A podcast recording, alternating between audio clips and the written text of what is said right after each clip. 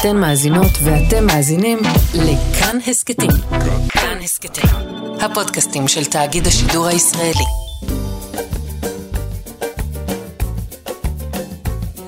שישים החדש, עם איציק יושע. לחיות בגיל השלישי.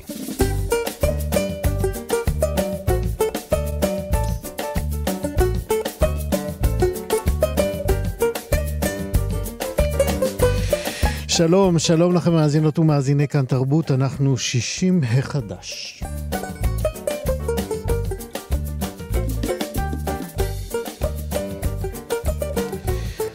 עוד מעט אה, נדבר כאן על ספר, על סרט, על שיווק של הזקנה ועל הטיפול בראייה שלנו בכל גיל ובעיקר בתופעות שמגיעות אלינו לעת זקנתנו. הסרט אה, שנדבר עליו הוא צ'או איטליה, על שלושה זקנים חביבים שמתכננים את הפרישה שלהם. הספר הוא על ארוחה משפחתית שחושפת דינמיקות משפחתיות מורכבות. אה, ברקע יש שם גם אה, דמנציה של אם המשפחה. תהיה לנו גם מוזיקה ישראלית מראשית הפופ הישראלי, ככל שנספיק. בצוות הבוקר שירי כץ, עורכת משנה, גיא מחבוש בהפקה. תמיר צוברי, טכנאי השידור. אני, איציק יושע, איתכם עד 12. 60 החדש.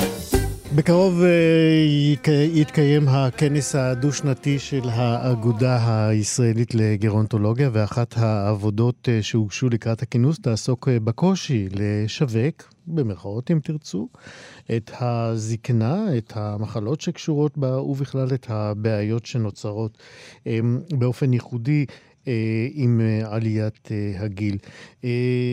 השיר הזה, הוא, אמרתי, הוא עזר לשווק את עניין הזקנה בעולם, עוד מעט נשמע על זה יותר. מהמרואיין הבא שלנו, רועי קורן, שהוא איש שיווק שעוסק בייעוץ ובפיתוח עסקי, והוא גם מתמחה באוכלוסייה המבוגרת. הוא גם מייעץ לעמותות ולמשרדי ממשלה על ה... דרכים שבהן יש אה, לפנות לקהל מבוגר. שלום רועי קורן. שלום, בוקר טוב, מה שלומך? תודה רבה. תגיד, כמה באמת הדואט הנפלא הזה אה, מועיל אה, לשיווק זקנה וזקנים ובכלל להעלאת המודעות אה, לזקנה ולמיוחדות שלה? טוב, קודם כל.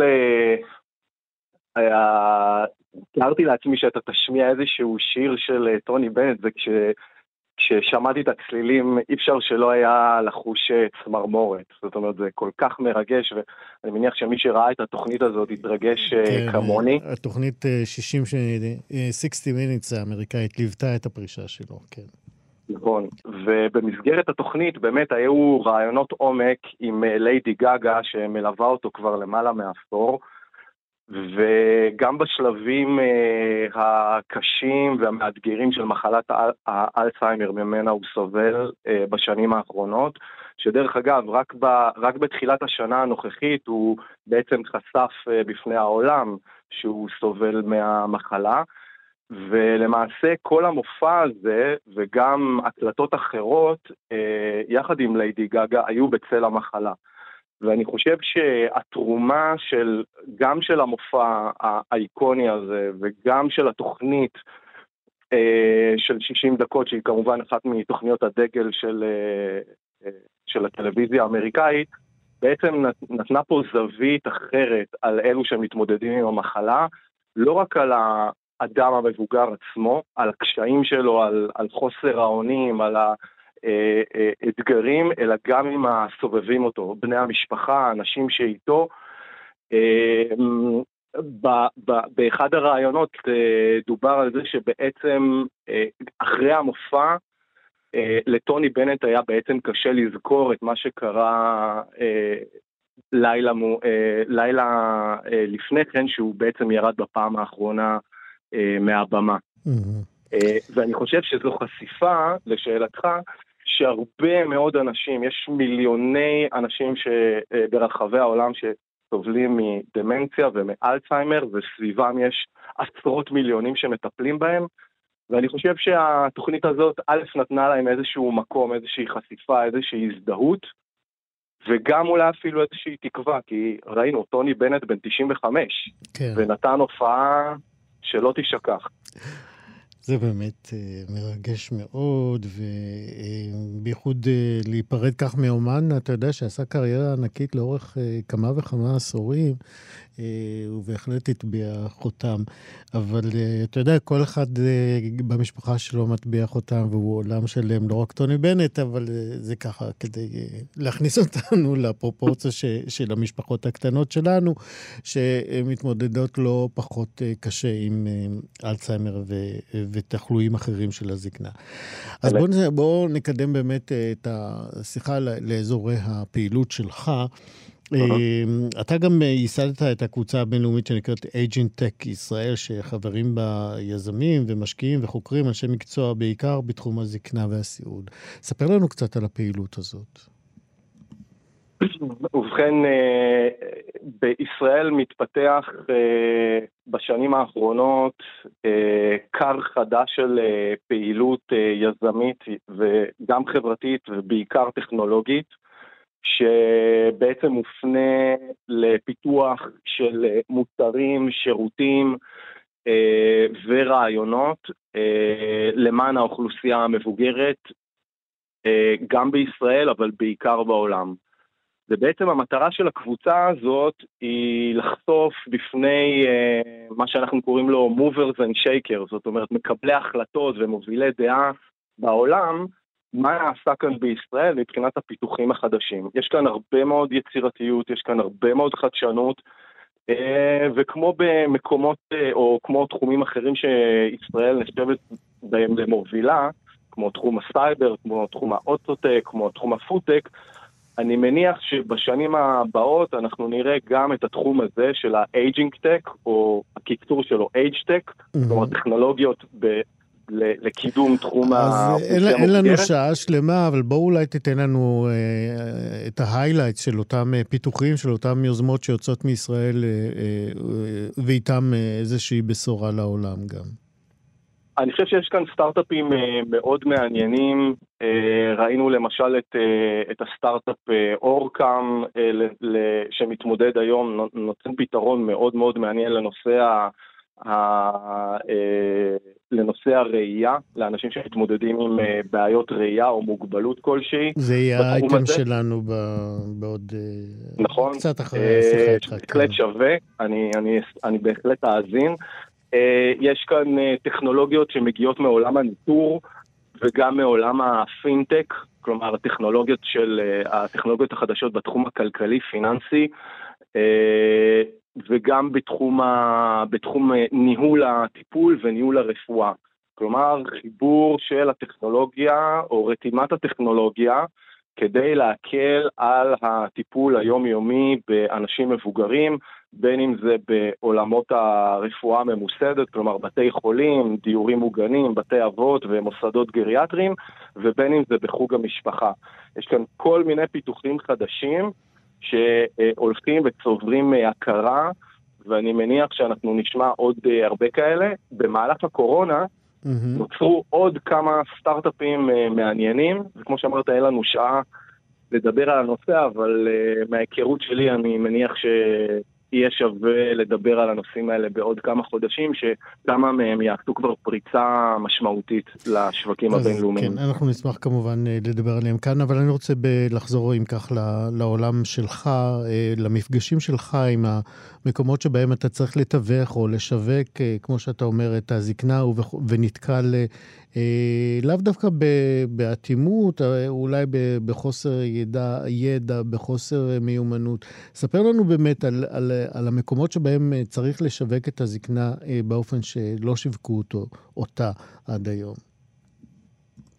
יש כמה וכמה היבטים אה, לנושא הזה, ואני מסכים איתך שזה לאו דווקא עניין של אטימות, זה יותר עניין של חוסר עניין או חוסר מודעות למהפכה שבעצם עוברת עכשיו בכל העולם, למעשה בכל האנושות וגם בישראל, וזה היה אה, מה שנקרא ההזדקנות והעלייה אה, בתוחלת החיים. בעצם אה, עצם זה שנוצר לנו כאן תהליך חדש של אה, הזדקנות, שבו אנחנו מאריכים חיים, ויש כאן הרבה יותר אנשים מבוגרים מאי פעם, עדיין אצל הרבה מאוד גופים, בין אם זה גופים מסחריים, למשל חברות, משווקים או, או נותני שירותים, ובין אם זה אפילו משרדי ממשלה או גופים שאמורים לתת שירותים לאוכלוסייה המבוגרת, לא מכירים עדיין בשינוי הזה. עדיין, לצערי, חלק גדול מהם, אוקיי, שלא כמו למשל במדינות אחרות בעולם, רואים באוכלוסייה המבוגרת כמקשה אחת. כלומר, לא מבדילים שיש היום כמה וכמה קבוצות גילאים, או כמה וכמה וגם קבוצות... וגם בתוך כל קבוצה יש אפיונים שצריך להתייחס אליהם במיוחד. אני רוצה לשאול אותך, במגעים שלך, אם אה, אתה יועץ גם למשרדי ממשלה, כמה באמת הדרג המקצועי במשרדים שעובד או אמור לעבוד מול אוכלוסיות האלה, כמה הדרג המקצועי אה, גם אה, מיומן, גם מצויד בידע הנדרש, וכמה יש נכונות? קודם כל אני חייב, מכיוון שאני כבר תשע שנים בתחום, אני חייב לציין שבשנתיים האחרונות, או בשלוש שנים האחרונות, חל שיפור uh, משמעותי בתחום של המודעות של uh, משרדי ממשלה. לדוגמה, ולאו דווקא במשרדים, ה, לצורך העניין, הקלאסיים, שאמורים לתת מענה מיידי לאוכלוסייה שוויון אה, חברתי. רווחה, רפואה, דווקא, אני, אני יכול לתת לך לדוגמה, את uh, משרד השיכון והבינוי. אוקיי. Okay. שכבר היום מתייחס בפרוגרמות שלו למתכנני ערים ולמתכננים של uh, אזורים, של רשויות מקומיות, מתייחס לעניין הזה של הזדקנות האוכלוסייה והצורך במתן מענים חדשים שלא היו קיימים עד כה לזה שיש לנו יותר אנשים מבוגרים ב, אה, בסביבה הציבורית שלנו. זה מעודד, זה באמת מופיע ברמה של אה, תנאי, אה, נגיד אה, הקבלן מתחייב לייצר נגישות לאנשים זקנים במתחמים שהוא מקבל עליהם היתרי בנייה, ואם לא כך לא יקבל היתר?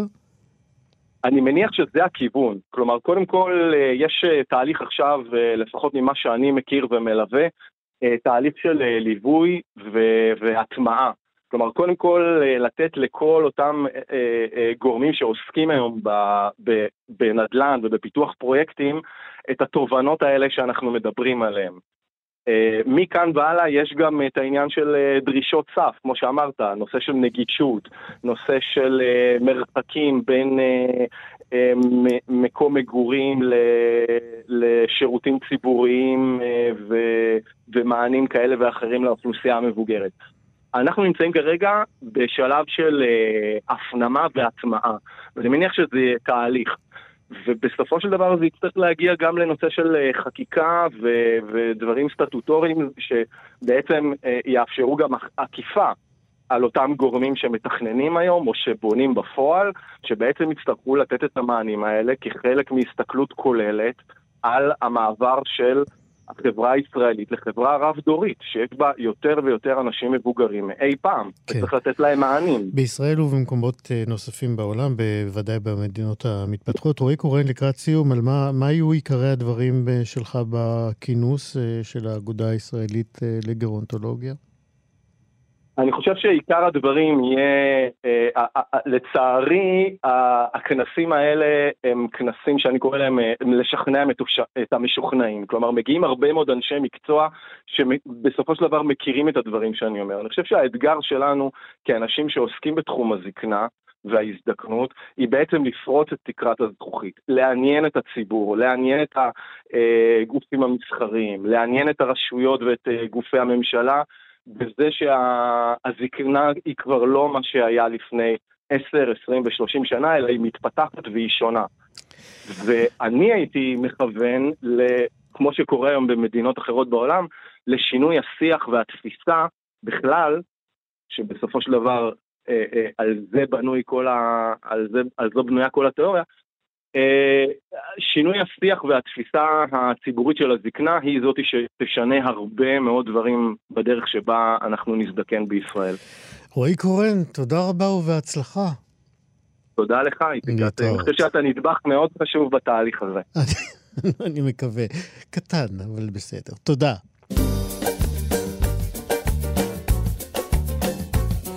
שישים החדש, עם איציק יושע. לחיות. בגיל השלישי. צחי ויעל, זה מהזמנים ששרו כאן על שלום וקיוו שהוא יבוא. כבר לא שרים ולא מקווים, ולא יהיה, נכון? שישים החדש. בשבוע שעבר אה, עלה להקרנות אה, בסינמטק בתל אביב הסרט אה, צ'או איטליה, והנה בקצרה תמצית העלילה. שלושה פנסיונרים מרומא מחליטים שעם קצבת הזקנה המאוד מצומצמת שלהם, הם חייבים למצוא מקום אחר לבלות בו את ה... את אה, שארית חייהם הארוכה, אנחנו יודעים, תוחלת החיים הולכת ונעשית גדולה. אה, למזלם, יש אה, מומחה שהמציא איזשהו סרגל למדינות העולם שעשוי להקל עליהם בקבלת ההחלטה הזאת, על פי מדדים שונים, נגיד יציבות המדינה, כלכלית, פוליטית, על האקלים, על יוקר המחיה וככה עוד מדדים. ובעוד אה, הם אה, מתלבטים בין אה, קובה לסופיה, בולגריה, כן, או האי בלי באינדונזיה, הם ממשיכים לשבת במסעדות ברומא ולהיפגש עם המציאות האיטלקית על כל ההיבטים המורכבים והמשעשעים שלה גם. נגיד רק שהסרט צ'או איטליה הוא סרטו של הבמאי ג'יאני דה גרגוריו, שגם משחק בסרט בתפקיד הפרופסור. אני אומר עכשיו שלום לאמיר קמינר.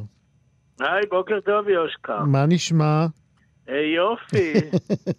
נגיד רק שאתה... אחרי שרואים את הסרט צ'או איטליה, זה עושה לך כזה חם בלב, אבל גם מלחיץ מפני המציאות שצפויה לנו. מיד נרחיב, רק נזכיר למאזינים שלנו שאתה מבקר קולנוע בעיתון ידיעות אחרונות. אז מי עכשיו, בוא תעשה לנו את ההיכרות המתבקשת עם שלישיית הזקנים החביבה הזאת. כן, אה, נורא כיף לעקוב אחריהם, כי הם נהנתנים. הם נורא אוהבים לאכול כמוני.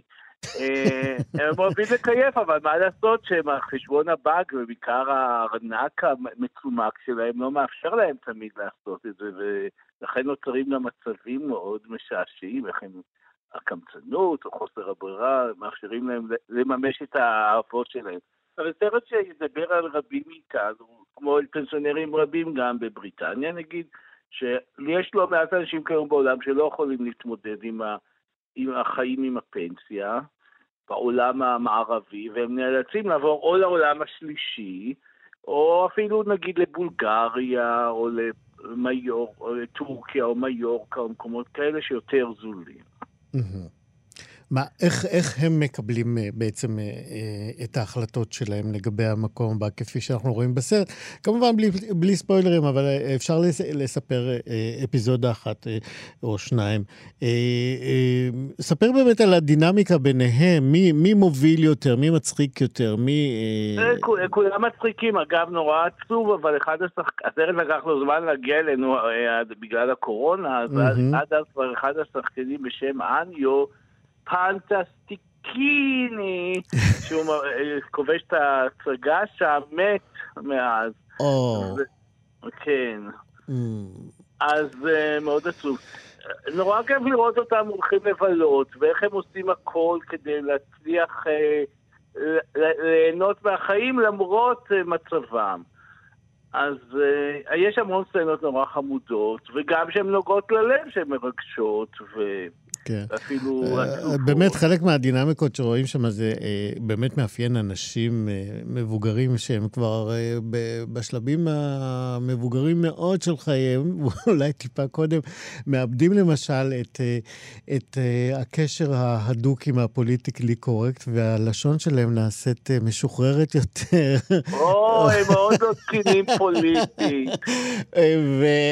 ויש המון מזה בסרט. אני רוצה ציטוט אחד אני לא זוכר את שמו של הזקן, אה, והוא אומר שם, אה, אם אשתי יצאה מהבית זה הזמן להרים כוסית. כן, הם, הם לא בדיוק מצייתים לרודנות של ה politically correct, וזה נחמד לראות אנשים באמת מבוגרים ש... אה, כלומר, זה לא כל כך נחמד, שצריכים...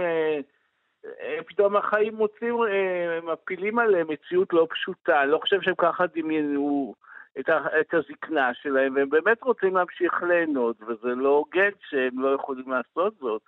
למרות שאולי זה כיף אה, לעזוב את אה, ארץ המגף לטובת יעדים אקזוטיים יותר, אבל, ולהגיד צ'או איטליה. צ'או במובן אה, של שלום ולהתראות, או...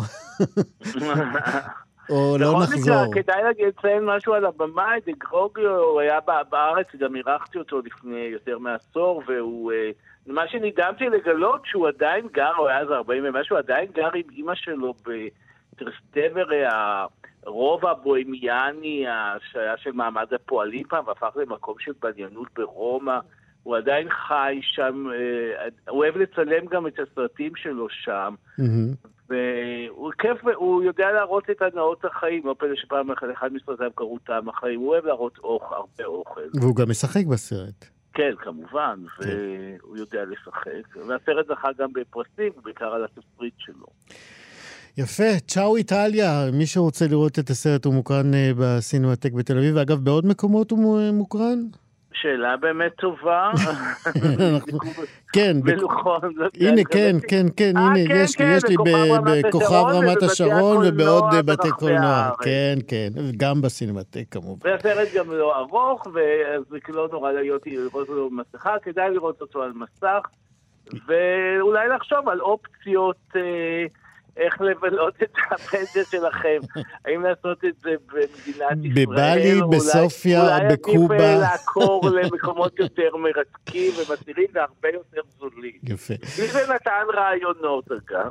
אוקיי. אה, אמיר קמינר על הסרט אה, צ'או איטליה, תודה רבה שלקחת אותנו לצחוק ולדעת יותר. ביי ביי. 60 החדש.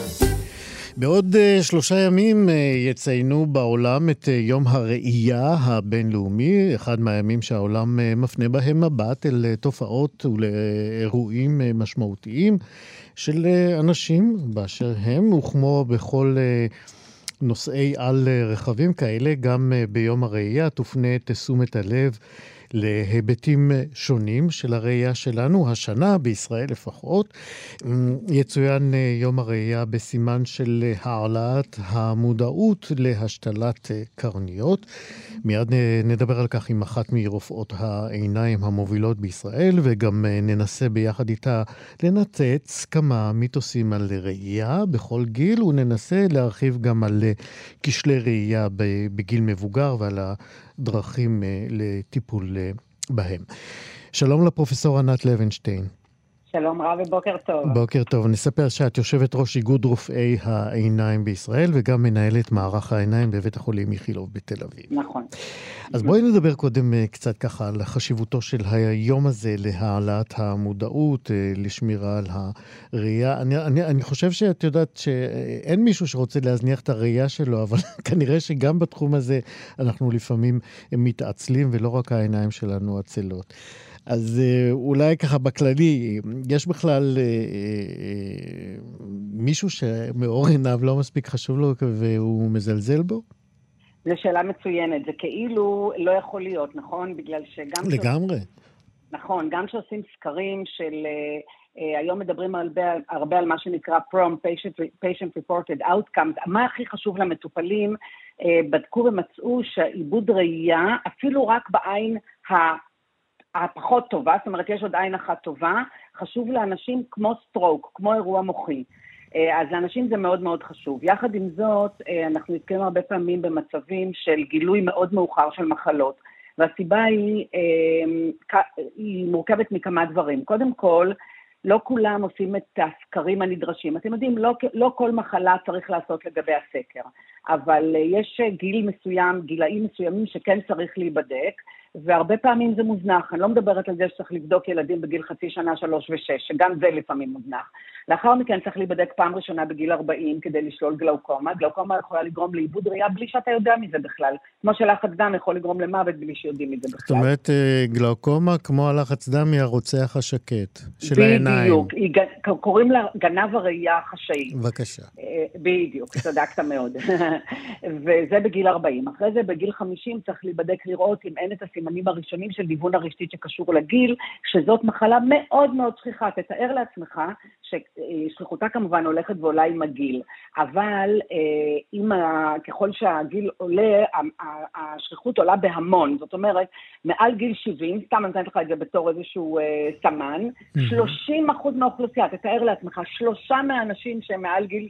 משלוש, שלוש, שלוש, אה, בן אדם אחד מתוך כל שלושה שמעל גיל 70 שסביבך, יש לו איזשהו סוג של ניוון הראייה שקשור לגיל.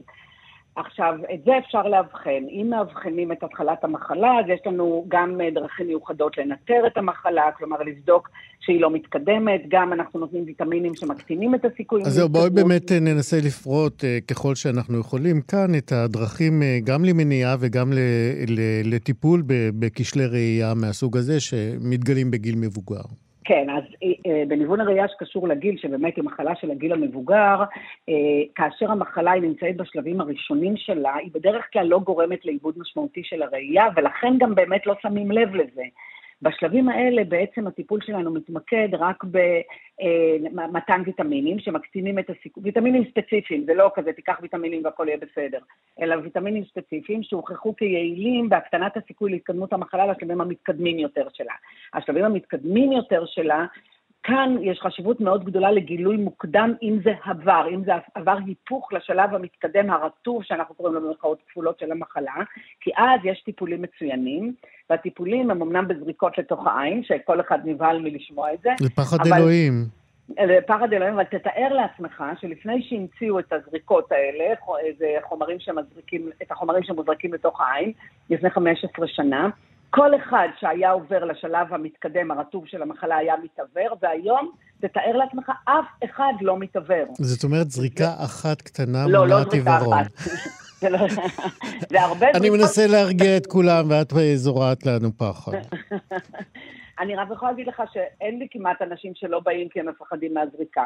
קשה להם לבוא, המרחק מהמרפאה הגדול, הם מחכים בתור, קורונה, יש להם מחלות אחרות, הם אה, לא רואים שזה משפר להם את הראייה.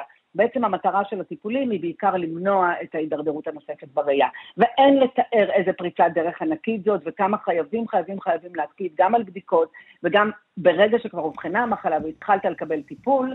אז חייבים לוודא שאתה בא לניטור תכוף ומקבל את הטיפול כמו שצריך. עוד מעט אני אנסה, כמו שהבטחתי, לנתץ כמה מיתוסים לגבי ראייה ומכשירים אה, שממלאים את החיים שלנו, אבל אני רוצה לדבר איתך על אה, קטרקט, שזה משהו שיותר אה, מוכר אצל אנשים מבוגרים. קודם כל, כן. מה זה?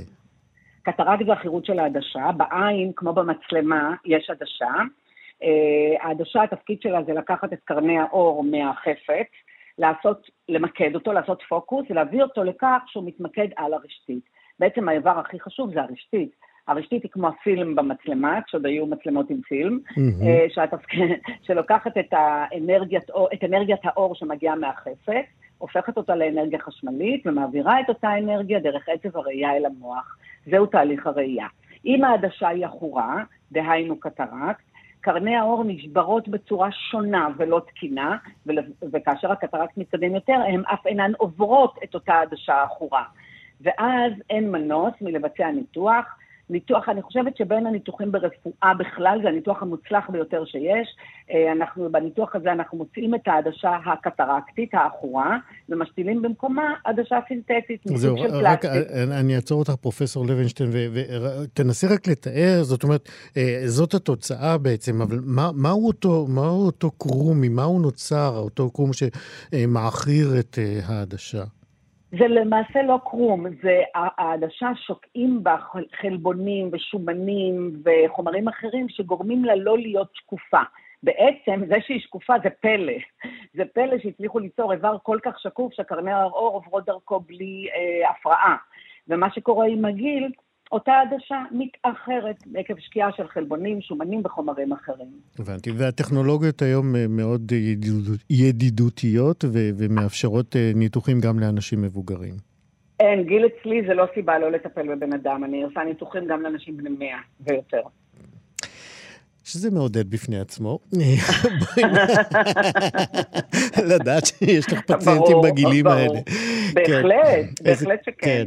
אה, בואי ננסה עכשיו, בזמן שנשאר לנו, לנפץ ככה כמה מיתוסים. האם באמת אה, שימוש בסמארטפון אה, בחושך לפני השינה מזיק לראייה? הבעיה היא לא החושך.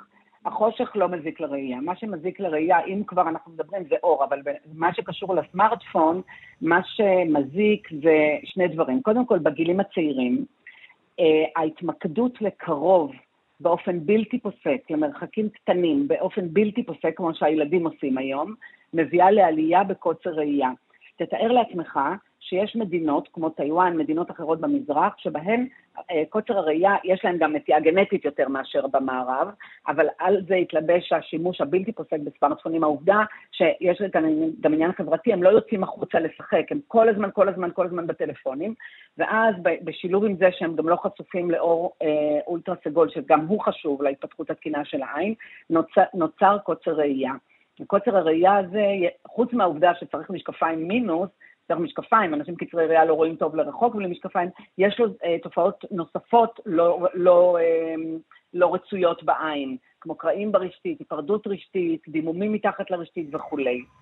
אז אה, אנחנו לא ממליצים על סמארטפון לא בגלל החוד, אה, אה, בלי הפסקה, לא בגלל החושך, אלא פשוט בגלל ההתמקדות הבלתי פוסקת לקרוב. לך יש ובאנשים... סמארטפון? ברור. איזה דיאטת אה, סמארטפון את עושה? כדי שגם אנחנו נאמץ. אני כבר לא אהפוך להיות קצרת ראייה, זה במיוחד בילדים. אוקיי. אבל מה שלגבי מבוגרים זה יותר העניין של הבהייה הבלתי פוסקת במסכים, וזה כבר לא חשוב אם זה סמארטפון או מחשב, הבהייה הבלתי פוסקת הזאת היא גורמת גם להחמרה של יובש ולהחמרה של... אה, ולתחושת אי נוחות וצריבה בעיניים, ואז אנחנו ממליצים אם אתה כל הזמן, כל הזמן בזומים ובפגישות ומסתכל כל הזמן במחשב, מדי פעם לתת מנוחה לעיניים, לעצום את העיניים, ואם צריך גם להשתמש בדמעות מלאכותיות שהן לא מזיקות. יפה, וממש שאלה אחרונה לקראת סיום. אנחנו כולנו מכירים את הניתוחי לייזר לתיקון הראייה, אז אנחנו יודעים שהם קוראים... להסרת משקפיים. כן, כן, להסרת משקפיים. אנחנו יודעים שיש אה, להם אחוזי הצלחה מאוד אה, גבוהים אה, בגילים צעירים, אבל לא נוהגים לעשות אותם בגילים מבוגרים. א', האם אני טועה, ואם לא, אז למה? תראה, אין בעצם מגבלה של גיל בניתוחים האלה, אבל אה, בגילים המבוגרים, לעיתים קרובות יש כבר פתולוגיה נוספת בעין, וכשיש עוד פתולוגיה בעין, אנחנו, לא, אנחנו מעדיפים לא לעשות ניתוחים אה, במרכאות כפולות קוסמטיים. דבר שני, כשבן אדם כבר מתקדם... הסרת לכיוון... משקפיים זה לא קוסמטי. אה, בעיניי זה קוסמטי. אם אני, אוקיי. תראה, אני לפעמים עושה חמישה ניתוחים לבן אדם כדי שהוא יראה קצת אור. אז אם אפשר, הוא יכול לשים שתי זכוכיות על העיניים ולראות, בעיניי זה נהדר. שירגע, את אומרת, כן. טוב, אז אה, למדנו הכול. אה, יש לי עוד אחד קטן. גזר, אמרו לנו תמיד לאכול גזר. אז תראה, אז זה נכון שבית הקרוטן הוא בין החומרים שנמצאים בין אותם חמישה חומרים אה, שאמרתי ויטמינים, שוויטמין A זה בית הקרוטן, ששימוש בהם מקטין את הסיכוי להתקדמות אה, ניוון של הרשתית שקשור לגיל מהשלב ההתחלתי לשלב המתקדם. אבל כדי שהוא יהיה משמעותי צריך לאכול חמישה שקים של גזר. זאת ועוד, זאת okay. ועוד, אנחנו כבר בעשור האחרון החלפנו את הגזר, את, ה, את הבית הקרוטן, את מה שיש בגזר ללוטאין, כי מתברר, לצערנו, שכשמשתמשים בכמויות ענקיות של אה, בית הקרוטן, עולה הסיכון שקשור לסרטן ריאה. זה לא שזה עושה סרטן ריאה, אבל uh, היו ניסויים שהראו שאנשים שהשתמשו בבית הקרוטן, uh, היה להם יותר סיכוי להתקדמות של המחלה, כשכבר הייתה להם את המחלה. אז אנחנו עוברים, ל... עברנו דווקא ללוטאין, מותר לאכול גזר כמה שרוצים, אבל לא עסקים כדי לשפר את הראייה. אז גזר אאוט ולוטאין אין. נכון. הפרופסור ענת לוינשטיין, היה כיף לדבר איתך, תודה רבה. תודה רבה לך. להתראות. 60 החדש. נפתח. פערי אה, גילים ודורות, אה, מין מגוון, תהפוכות שעוברות אה, מערכות יחסים עד הגיען לשיאים בגיל מבוגר, ומחלת הדמנציה שמשתלטת על מוחה של אם המשפחה. כל אלה ועוד הם החומרים שמהם אה, עשויה הארוחה המשפחתית של אה, גנית אוריאן. ארוחה משפחתית זה גם שם אה, ספרה החדש שיצא לאחרונה בהוצאת מטר, וגנית היא עכשיו האורחת שלנו. שלום. מתבקש להגיד בוקר טוב, כן. בוקר טוב, בהחלט. מי בכלל רוצה לקום? אז ברכות על הספר. ואולי באמת את תספרי לנו קצת על uh, המתכון לארוחה המשפחתית הזאת שרוקחת ומתכננת גאיה, הגיבורה החיפאית של הספר. אה, כן, זה בעצם אה, ארוחה משפחתית. אני חושבת שעשיתי סקירה בספר, אני חושבת שאין אפילו כמעט ארוחה אחת שפויה, או בכלל שמתנהלת כמו שצריך בספר, כי בעצם זה הישראליות שלנו, שהיא... מצד אחד חמה ודביקה, מצד שני היא רוכשת וגועשת אה, כלפי כל בני המשפחה הישראלית. אז, בוא, אז בואי באמת, אה, קחי את את אה, החירות של הסופרת, עכשיו המתראיינת, וספרי לנו, את יודעת מה, על ארוחה אחת אם את רוצה. מה יש בה? מה, מה, מה מסעיר בה? מה אה, עושה אותה ישראלית? מה עושה אותה ישראלית אה, אה, סוערת? מה עושה אותה ישראלית אולי מגעילה לפעמים? לפעמים. אתה הזכרת את הנושא של הדמנציה, אז באמת כן. אם המשפחה אה, היא אה, לוקה בדמנציה, וכתוצאה מכך המשפחה מתחילה להתפרק, כי מתחיל להיות הקרב על מי לא יטפל באימא, אבל מי כן ייקח אחריות על אה, הנושא של כספיה וכדומה. ואני מתארת בספר שבאיזשהו שלב הגיבורה גרה עם האימא, והיא מטפלת בה. הגיבורה היא בת 40 פלוס, היא אם חד-הורית. אז אני מתארת, האמא עדיין יש לה בראש את הנושא הזה של ארוחות המשפחתיות. אז היא מתארת איך היא, האמא שולפת אה, צלחות מהמגירות ומתחילה לסדר אותן, כשבעצם אין מי שיאכל, כי או שהילדים מגיעים מאוחר, או... אלא אה, ההנחה היא שכל הזמן יש זיכרון של העבר שמנסים לשמר אותו. כן. אז זה לדוגמה. אה, שזה באמת אחד, אה, את מזכירה את אה, סידור השולחן הזה, שזה באמת אחד החלקים המאוד מדכדכים של הגילויים של הדמנציה, שאנשים שאנחנו אהבנו ו... ו, ו וחיינו איתם, פתאום מאבדים כל קשר למציאות. איך באמת העיבוד קשר הזה משפיע על גאיה, על סביבותיה? אה, אני לא יודעת, זאת אומרת, זה משפיע במובן הזה שבעצם האימא מסירה מעצמה אחריות, והיא מציעה אותה לכל דורש. אה, מבחינתי, אני מתארת את זה בספר, שהדמנציה היא סוג של ברכה וגם היא סוג של קללה. היא קללה מכיוון שהאדם עצמו מתחיל להשתנות, הוא כבר לא אותו אדם. זה אדם אחר והרגשות שלו והתחושות שלהם מתקהים. והיא ברכה מכיוון שכאשר, אה, הייתה עובדת סוציאלית שעבדתי איתה, והיא אמרה, כאשר מכסת הסבל שאדם הגיע אליה היא מספיק גבוהה, המוח מתחיל להגן על עצמו, מתחיל לשכוח. אז שוכחים את הדברים הטובים וגם את הדברים הרעים. אה, ובעצם אני מצהירה פתרון בספר, שאולי הפתרון לכל הריבים המשפחתיים, וגם, ל, אני מתארת שם גם קשר עם אה, בחור ערבי, הפתרון בכלל ריבים שהחברה הישראלית כל כך אוהבת לריב אותם, היה שכולנו נלקה בקצת דמנציה. נשכח קצת את הדברים הרעים ונתמקד בדברים הטובים בהווה הנוכחי. סוג של אה, כמיהה לאיזה סם שיטשטש את הכאבים ואת המצוקות היומיומיות. אה, בלי, אה, את יודעת, לפגום בסיפור העלילה עצמה, אולי יספרי, יש איזשהו קשר רומנטי בלתי צפוי שככה פורץ לחיי המשפחה בתוך הספר. ספרי לנו עליו את.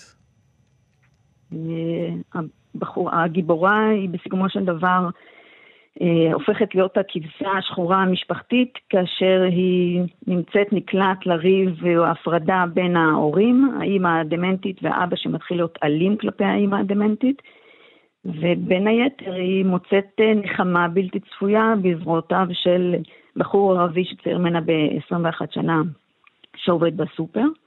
אה, ואז מתחיל סיבוך גם הקשר איתו, זאת אומרת, זה לא שהנחמה היא כל כך פשוטה, אלא כי גם לו יש uh, את הסיבוכים שלו, ואני עושה את ההשקה לדמנציה, כי גם הוא במידה רבה מסיר אחריות מעצמו, באמונה שלו שהוא כצעיר ערבי לא יוכל להתקדם אף פעם בחברה הישראלית בגלל הגזענות שיש בה.